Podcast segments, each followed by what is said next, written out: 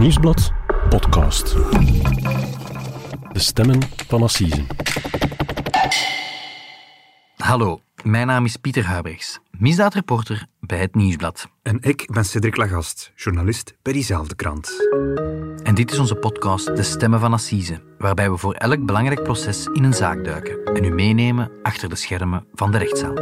En dit keer hebben we het over de spectaculaire ontsnapping van een topgangster uit de gevangenis van Sint-Gilles.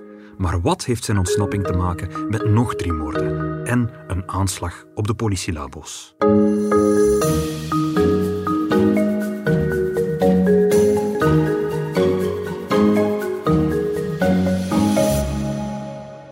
Dag Cedric. Dag Pieter. Cedric, welkom terug eh, in onze vertrouwde studio hier op uh, Linkeroever. Dankjewel. Voor een nieuwe aflevering van De Stemmen van Assise. Ehm, het minste dat we kunnen zeggen, Cedric, is dat er de voorbije week heel veel gebeurd is in justitieland. Ja, zeg dat wel, absoluut. Er is afgelopen maandag, allez, vorige maandag liever, een, eh, een zware terreuraanslag gebeurd in onze hoofdstad, in Brussel. Ja. En de man waar we het uh, al zo vaak hebben over gehad in deze podcast, Cedric, uh, justitieminister Vincent uh, van Quickenborne, die is vorige vrijdagavond onverwacht opgestapt. Ja, ik denk dat dat nieuws dan toch een beetje als een, als een onverwachte bom is gevallen. Mm -hmm. Want het was vrijdagavond. De schokgolven die die aanslag teweeg hadden gebracht, die waren al een beetje gaan liggen, dacht ik zelf. Het was vrijdag. Hè. Iedereen stond voor het weekend. We stonden voor het weekend en dan plots om zeven uur was het, dacht ik, uh, kwam het nieuws dat Van Quickenborne toch nog ontslag nam. Ja, ik, ik, ik, dacht dat we het allemaal al gehad hadden. Maar, maar, maar, toen begon het pas. Maar toen begon het pas. Ja, en, en dan kwam het riedeltje naar boven van de hele week van hè, de terrorist staat onder de radar.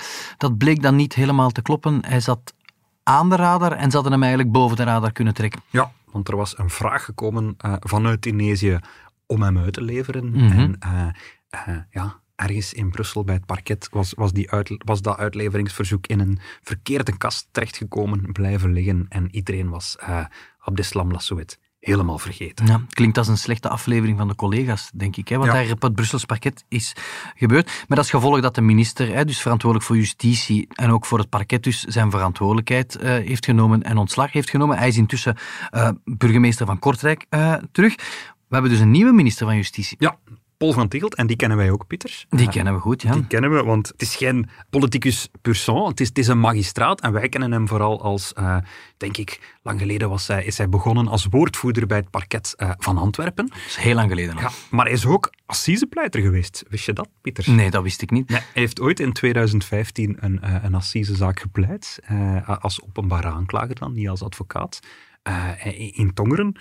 Bon, hij is daarna baas van het OCAT geworden en nu dus ja, minister van Justitie. Ja, daar zouden we ook, denk ik, drie uh, volledige podcasts aan kunnen wijden. Ja. Dat gaan we vandaag niet doen. Want ik heb begrepen, Cedric, dat je een heel spectaculair verhaal hebt meegebracht. Ja, absoluut. Het is een verhaal dat, dat zo uit het hoofd van een scriptschrijver uit Hollywood had kunnen komen. We gaan het hebben over een spectaculaire ontsnapping uit een Belgische gevangenis. Compleet met oorlogswapens, met auto's die door poorten vliegen, met verpleegsters die worden gegijzeld, maar vooral over de gevolgen daarvan. Want het brengt ons tot bij drie moorden, tot bij een aanslag en op een proces dat deze maand in de Brusselse rechtbank loopt. Het proces dat deze maand gevoerd wordt gaat dus over een zeer drieste ontsnapping uit de gevangenis. Een mislukte ontsnapping, hoor ik u zeggen. Um, die vond plaats in de gevangenis van Sint-Gilles. Ja, het gaat eigenlijk vooral over een inval. Eerder dan een uitbraak, een inval in een gevangenis. Oké, okay, dat moet je eens uitleggen. Wel, uh, het is gebeurd op, op een zondagavond, zondag 14 april 2014, kwart acht s'avonds.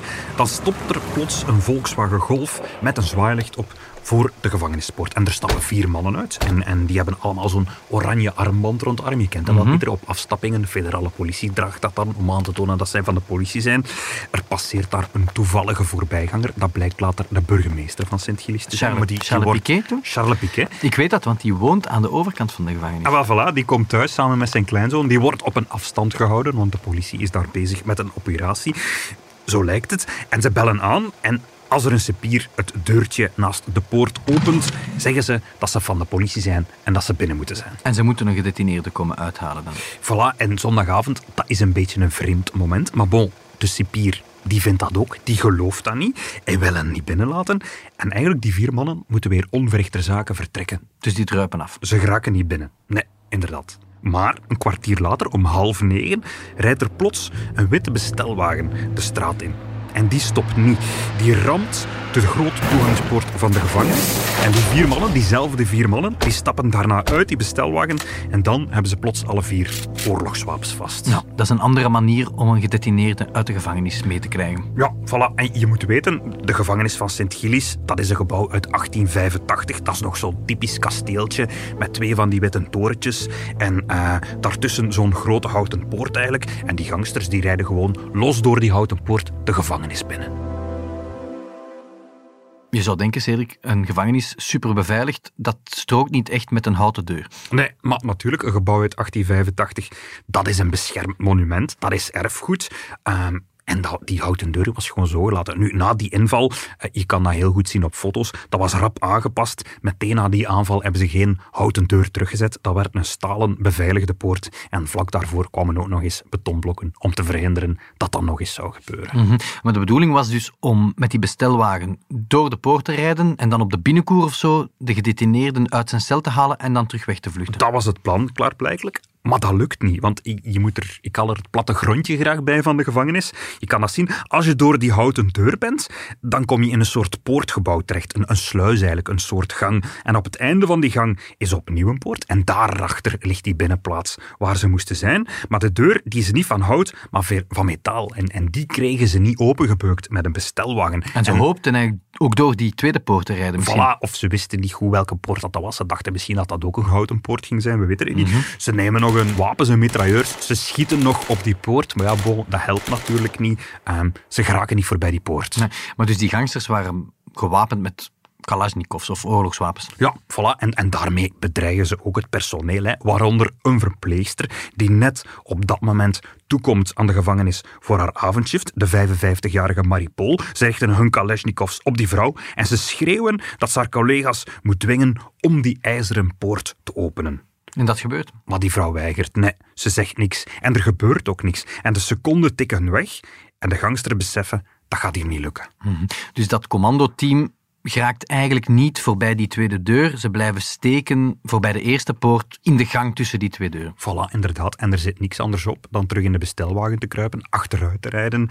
En, ja, en het hazenpad te kiezen van de hele operatie is, is mislukt. De cipiers die hadden uit, uiteraard ondertussen de politie verwittigd. En wat volgt is eigenlijk een achtervolging door de straten van Brussel en op de Brusselse ring. Tot de gangsters uiteindelijk ook met hun oorlogswapens vuren op die politiewagens. Echt zoals in de, in de lode jaren 80.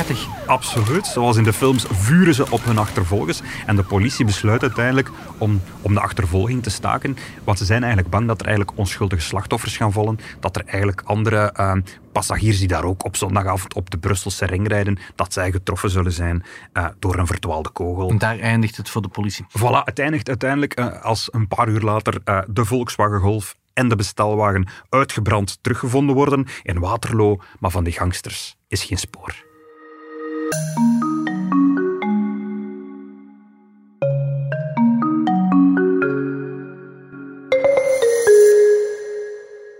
De uitbraak uit de gevangenis van Sint-Gilles is dus pijnlijk mislukt. Hè? Ja. Je zit met vier gangsters die zijn kunnen ontkomen via Waterloo en dan God weet naar waar ze zijn doorgereden. Ik kan mij voorstellen, Cedric, doordat die voertuigen ook uitgebrand zijn teruggevonden, dat er weinig, misschien wel geen DNA-sporen gevonden zijn? Dat is de bedoeling. Hè. Waarom wagens altijd worden in brand gestoken? Om sporen te vernietigen. Voilà, ja. Lijkt mij iets waar uh, Brusselse speurders een vette kluif aan hebben gehad om dan toch ja, een onderzoek te, te starten en dat vooral uh, ja, finaal tot een proces te laten komen. Ja, en, en, en, de clue in dit verhaal is eigenlijk dat de speurders eigenlijk al, al voordat die Volkswagen Golf daar uh, aan de gevangenis arriveert, dat ze eigenlijk al hadden kunnen weten wat er ging kunnen gebeuren. Hoe bedoel je? Ja, wel, een, een goede maand op voorhand al waren er eigenlijk al geruchten dat er een ontsnapping op til stond. Het hele commando kwam er die dag aan de gevangenis om één iemand te bevrijden. En dat blijkt de 34-jarige Franse topgangster Mohamed Ben Abdelhak te zijn, die op dat moment eigenlijk een beetje per ongeluk opgesloten zat in een Brusselse gevangenis. Hoe kan je per ongeluk opgesloten zitten in een Brusselse gevangenis? Wel, per ongeluk is misschien verkeerd gekozen, maar Ben Abdelhak is een Franse gangster die eigenlijk vooral problemen had met het Franse gerecht, niet zozeer met de Belgische justitie.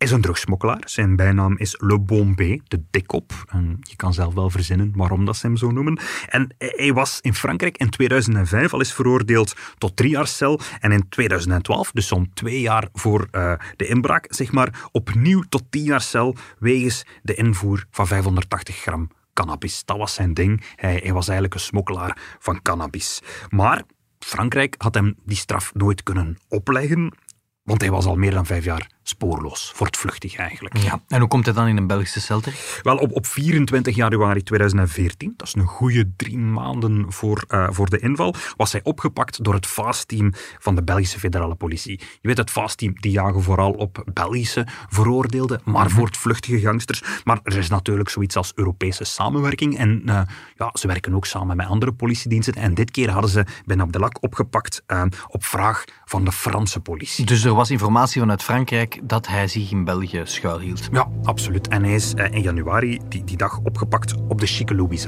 Hij was daar aan het shoppen samen met een compaan, met een vriend. politie is daar plots, heeft hem plots op straat opgepakt, tussen de winkels door.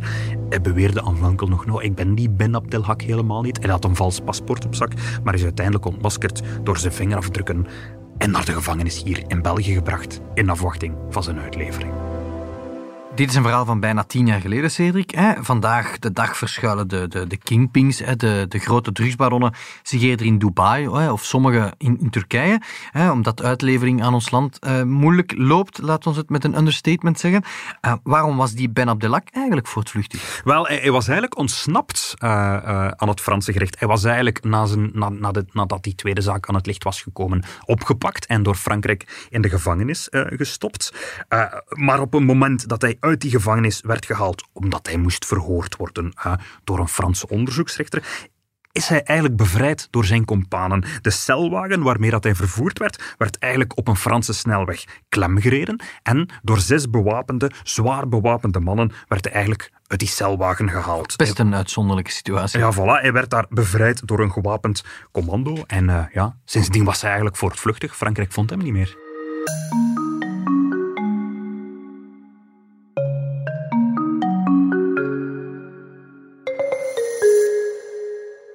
Eigenlijk zijn er veel parallellen met wat er dan later in Sint-Gilles gebeurt. Uh, maar je zei daarnet, Cedric, dat de Belgische politie wist dat er een ontsnapping of een uitbraakpoging zat aan te komen. Hoe konden ze dat weten?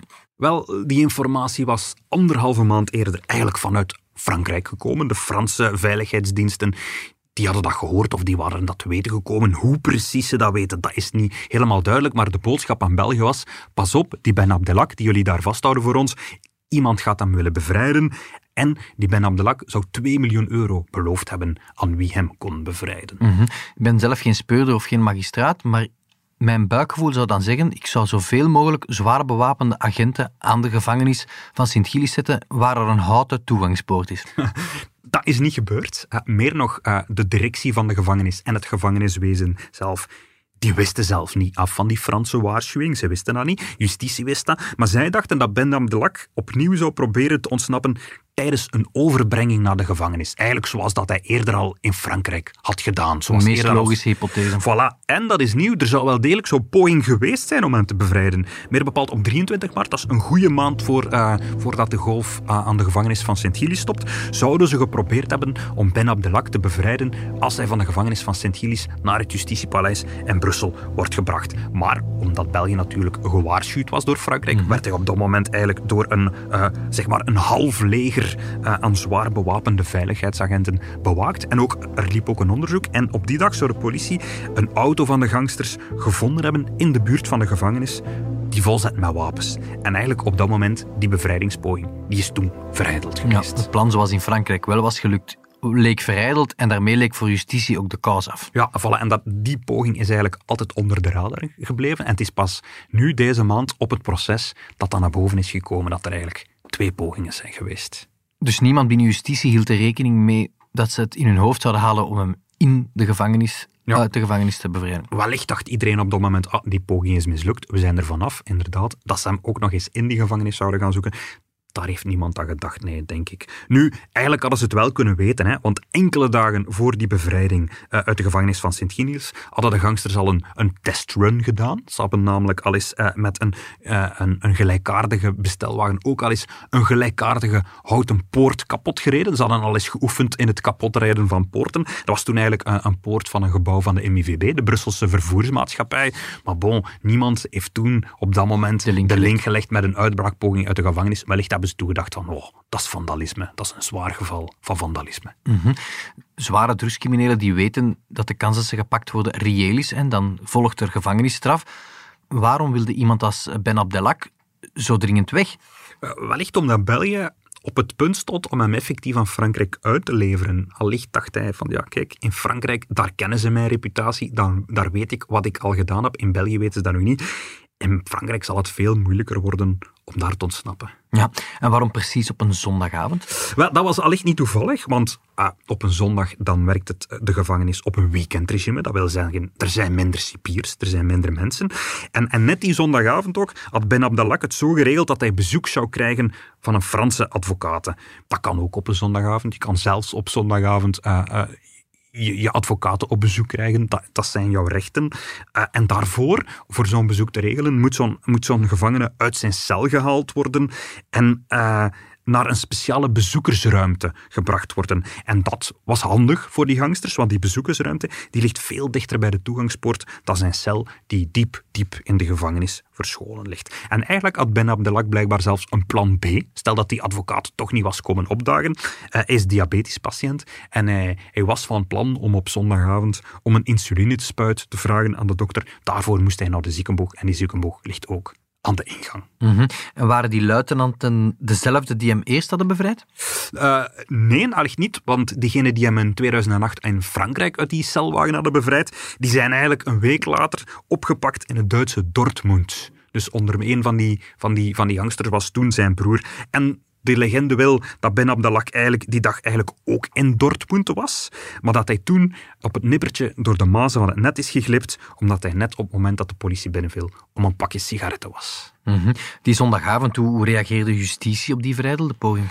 Was grote paniek, hè, want alle gangsters die een gevangenis binnendringen, dat was ongezien. Dat er af en toe eens een gangster uit de gevangenis ontsnapt, oké, dat hadden we al meegemaakt. Maar gangsters, gewapende gangsters, die proberen om een gevangenis binnen te stormen, uh, dat was ongezien. En Ben Abdelak, ja, die kon niet meer in Sint-Gilles blijven. Ze vertrouwden dat niet meer. En op maandag, de dag erna eigenlijk, wordt hij met een helikopter overgevlogen naar de iets modernere gevangenis van Brugge, waar hij op de afdeling Hoge Veiligheid belandt. Dat is de, de afdeling waar de strengst bewaakte de gangsters zitten. Uh, en niet voor lang overigens, want op dinsdag, één dag later, geeft het, het, het Hof van Cassatie eigenlijk uh, de goedkeuring voor zijn uitlevering. En exact vijf dagen later wordt Ben Abdelak per vliegtuig de Franse grens overgevoerd. Ze zijn er vanaf.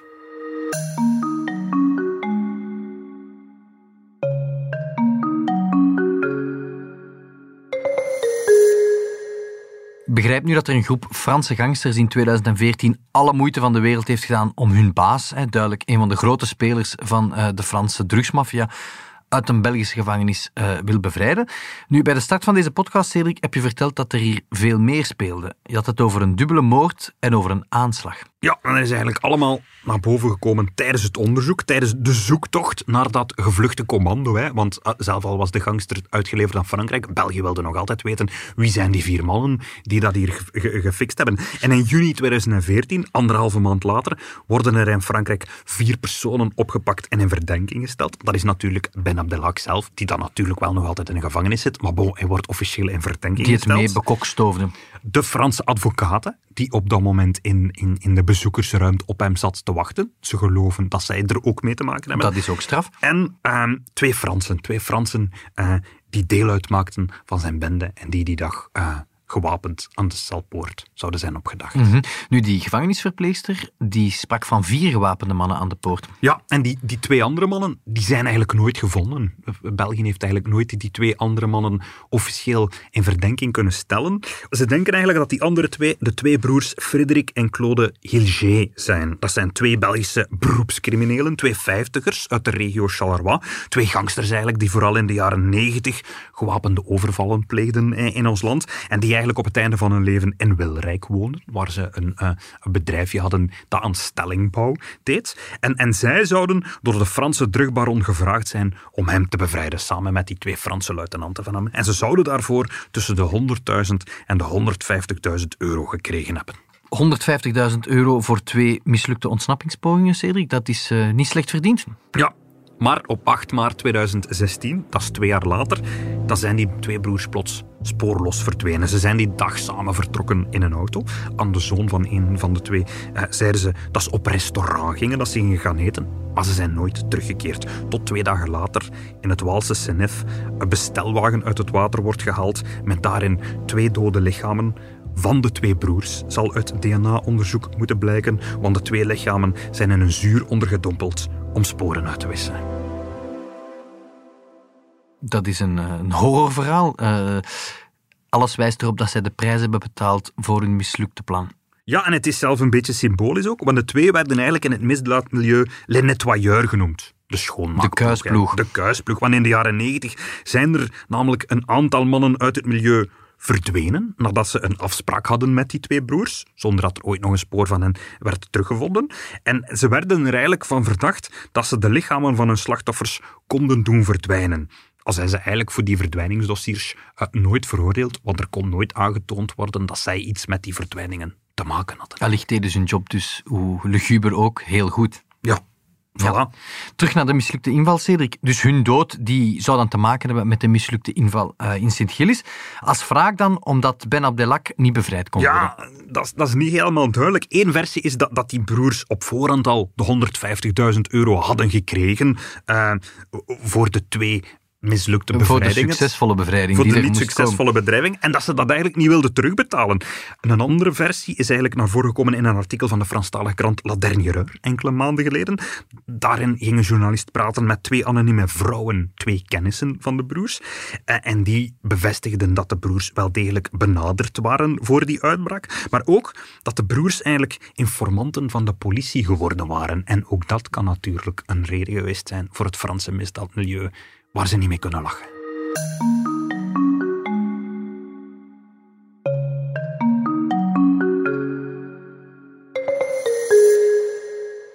Is er ooit achterhaald wie de twee broers vermoord zou hebben? Dat is uiteraard onderzocht, er is een onderzoek naar gevoerd. En een van de belangrijkste sporen in dat onderzoek was eigenlijk de dop van een bidon waarin dat het gebruikte zuur had gezeten. Die dop die werd in de bestelwagen gevonden, naast hun twee lichamen. En dat bleek een redelijk unieke dop te zijn. Ja, ik ken weinig van uh, zuur en doppen. Hoe exclusief is zo'n dop dan? Het was een speciale dop blijkbaar, die niet in zo heel veel winkels werd gebruikt, maar bijvoorbeeld wel in een winkeltje van een kleine drogist in de Brusselse gemeente Schaarbeek. En die winkel werd uitgebaat door de Vlaming Johan Verhagen, een man uit Kampenhout. En die man werd op 3 mei 2016 voor zijn huis in Kampenhout doodgeschoten. Vermoord op een moment als hij s'avonds thuiskomt van een avondje pingpongen en met zijn auto de oprit oprijdt. En nog voordat hij kan uitstappen, staat daar plots iemand met een pistool en die schiet hem door het hoofd. Mhm. Dat is een verhaal waar jij en ik heel veel uh, artikels over geschreven hebben, jaren terug. Um, ja, er is recent ook een podcastreeks gemaakt. Als ik het mij goed herinner, Cedric, was het initieel zijn vrouw die van moord verdacht werd. Ja, dat was een van de, van de allereerste pistes die gevolgd werden. Uh, het idee was dat zij een huurmoordenaar zou hebben ingeschakeld. Ze moest op een bepaald moment ook uh, aan de leugendetector verhoord worden daarover. Ze zou een huurmoordenaar ingeschakeld hebben, eigenlijk omdat ze haar man verdacht van ontrouw. Maar dat die vrouw daar iets mee te maken had, dat zij effectief die huurmoordenaar besteld had, dat is nooit bewezen geworden. Dat is ook nooit hard gemaakt door het onderzoek. En uiteindelijk hebben de speurders zich op andere pistes geconcentreerd. En wat was die piste dan?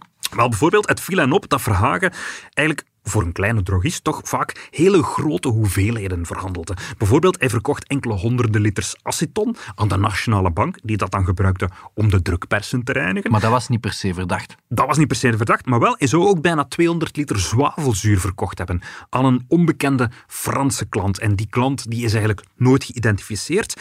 En meer nog, die Franse klant zou hem heel ruim betaald hebben daarvoor. En dat viel wel op, dat was verdacht. Ja, en dat brengt ons terug dan bij de broers Hilger, die in zuur zijn opgelost en de rest in het Dat is de piste van de speurders. En dat Verhagen twee maanden later op zijn beurt wordt vermoord, dat zou zijn om de sporen naar die dubbele moord weg te werken eigenlijk. En dat is trouwens niet het enige opruimwerk dat er in die periode gebeurd zou zijn. Hetzelfde jaar nog, in de nacht van 28 op 29 augustus 2016, wordt er eigenlijk een aanslag gepleegd op het labo van het NICC. Dat is het, het Nationaal Instituut voor Criminologie en Criminalistiek. Daar gebeuren eigenlijk alle sporenonderzoeken in Belgische gerechtelijke onderzoeken eigenlijk. Hè. Denk aan DNA-tests en zo, als er kogels moeten onderzocht worden in die labo's. Dat gebeurt daar. Wel, op die dag rijdt daar s'nachts plots een witte bestelwagen door de omheining.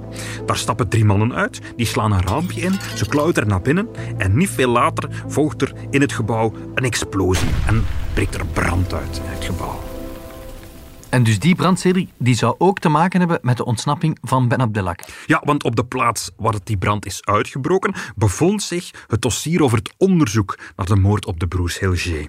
Kort voordien zou er eigenlijk een man naar het NICC gebeld hebben met een, uh, een zwaar Frans accent. Die deed alsof hij uh, deel uitmaakte van de politie van Charleroi. Hij polste naar dat onderzoek. Hij vroeg ook expliciet waar dat, dat dossier zich bevond. En, en bon, net op die plaats breekt er brand uit en dat bewuste dossier is wel degelijk vernietigd door die brand. Mm -hmm. Alles wat je vertelt, Cedric, uh, zijn fragmenten uit een filmscenario voor Hollywood. Het is heel straf, maar voor alle duidelijkheid, het is ook maar een theorie. Het is een theorie van de speurders, die wel natuurlijk onderbouwd is met onderzoek. Het zijn spectaculaire puzzelstukken.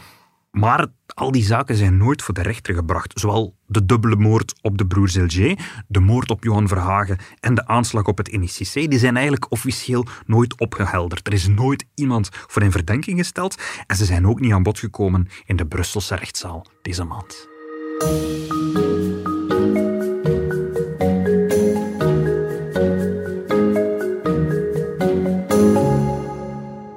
Deze maand is er in Brussel een groot proces van start gegaan, hè, net over de gewelddadige inbraakpoging in de gevangenis van Sint-Gilles.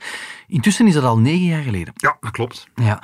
Kan je eens even zeggen, Cedric, wie stond er allemaal terecht? Wel, de hoofdverdachte is uiteraard Mohamed Ben Abdelak zelf. Hij is daarvoor vanuit Frankrijk, waar hij eigenlijk nog altijd in de gevangenis zit, overgebracht naar ons land, specifiek voor dit proces. En het was ja, de allereerste keer dat hij terug in ons land kwam. Ja, hij stond terecht. Wie nog? Wel, daar stonden nog drie Fransen samen met hem mee terecht. Jawed A, dat was zijn trouwe luitenant, de man die eigenlijk de hele operatie gepland zou hebben. En dat mm-hmm. gebeurde eigenlijk via een, uh, via een binnengesmokkelde gsm. Een gsm die de gevangenis was binnengesmokkeld tot in de cel van Ben Abdelak. En zo konden de twee natuurlijk met elkaar overleg plegen. Mm-hmm. De tweede man was Jeremy B. Die zou in Saint-Tropez de vluchtwagen hebben gestolen die uiteindelijk bij de eerste poging in Brussel gebruikt werd. Dus helemaal in het zuiden van Frankrijk om in Brussel een poging tot ontsnapping te doen. Absoluut. En de derde Fransman was Nordin A. Hij was eigenlijk de chauffeur van de Franse advocaten. Die, die advocaten die moest van Parijs naar Brussel gevoerd worden op zondagavond, zodanig dat zij um, ja, eigenlijk Ben Abdelak uit zijn cel kon lokken. Hè. Hij moest uit die cel gehaald worden tot vlak bij de ingang van de gevangenis.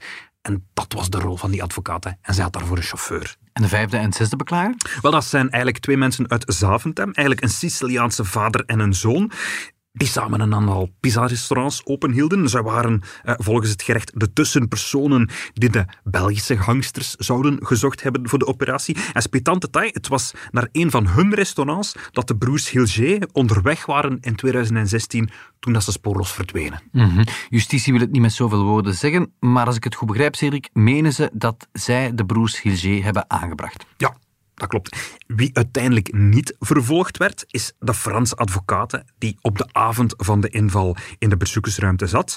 Dat is uh, opvallend. Ja, want nogthans werd in haar woning een met de hand getekend plattegrondje van de gevangenis gevonden.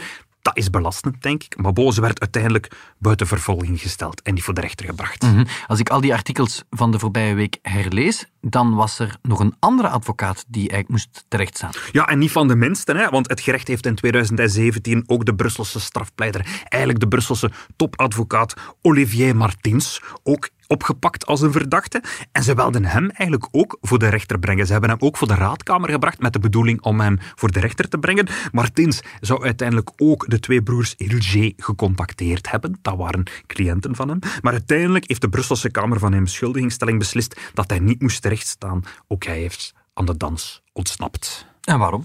Wel, goh, het, het, waren eigenlijk vooral enkele telefoontaps die zeer belastend waren voor hem. Die Franse advocaten, die werd afgeluisterd. Maar uiteindelijk heeft een Frans hof geoordeeld dat die opnames eigenlijk niet wettelijk waren. Je mag niet zomaar een advocaat afluisteren. In België zijn daar ook regels over. Die regels waren niet gevolgd. Die opnames die mochten niet gebruikt worden in de rechtszaal. En bon, er bleef uiteindelijk geen ander element over tegen die twee advocaten.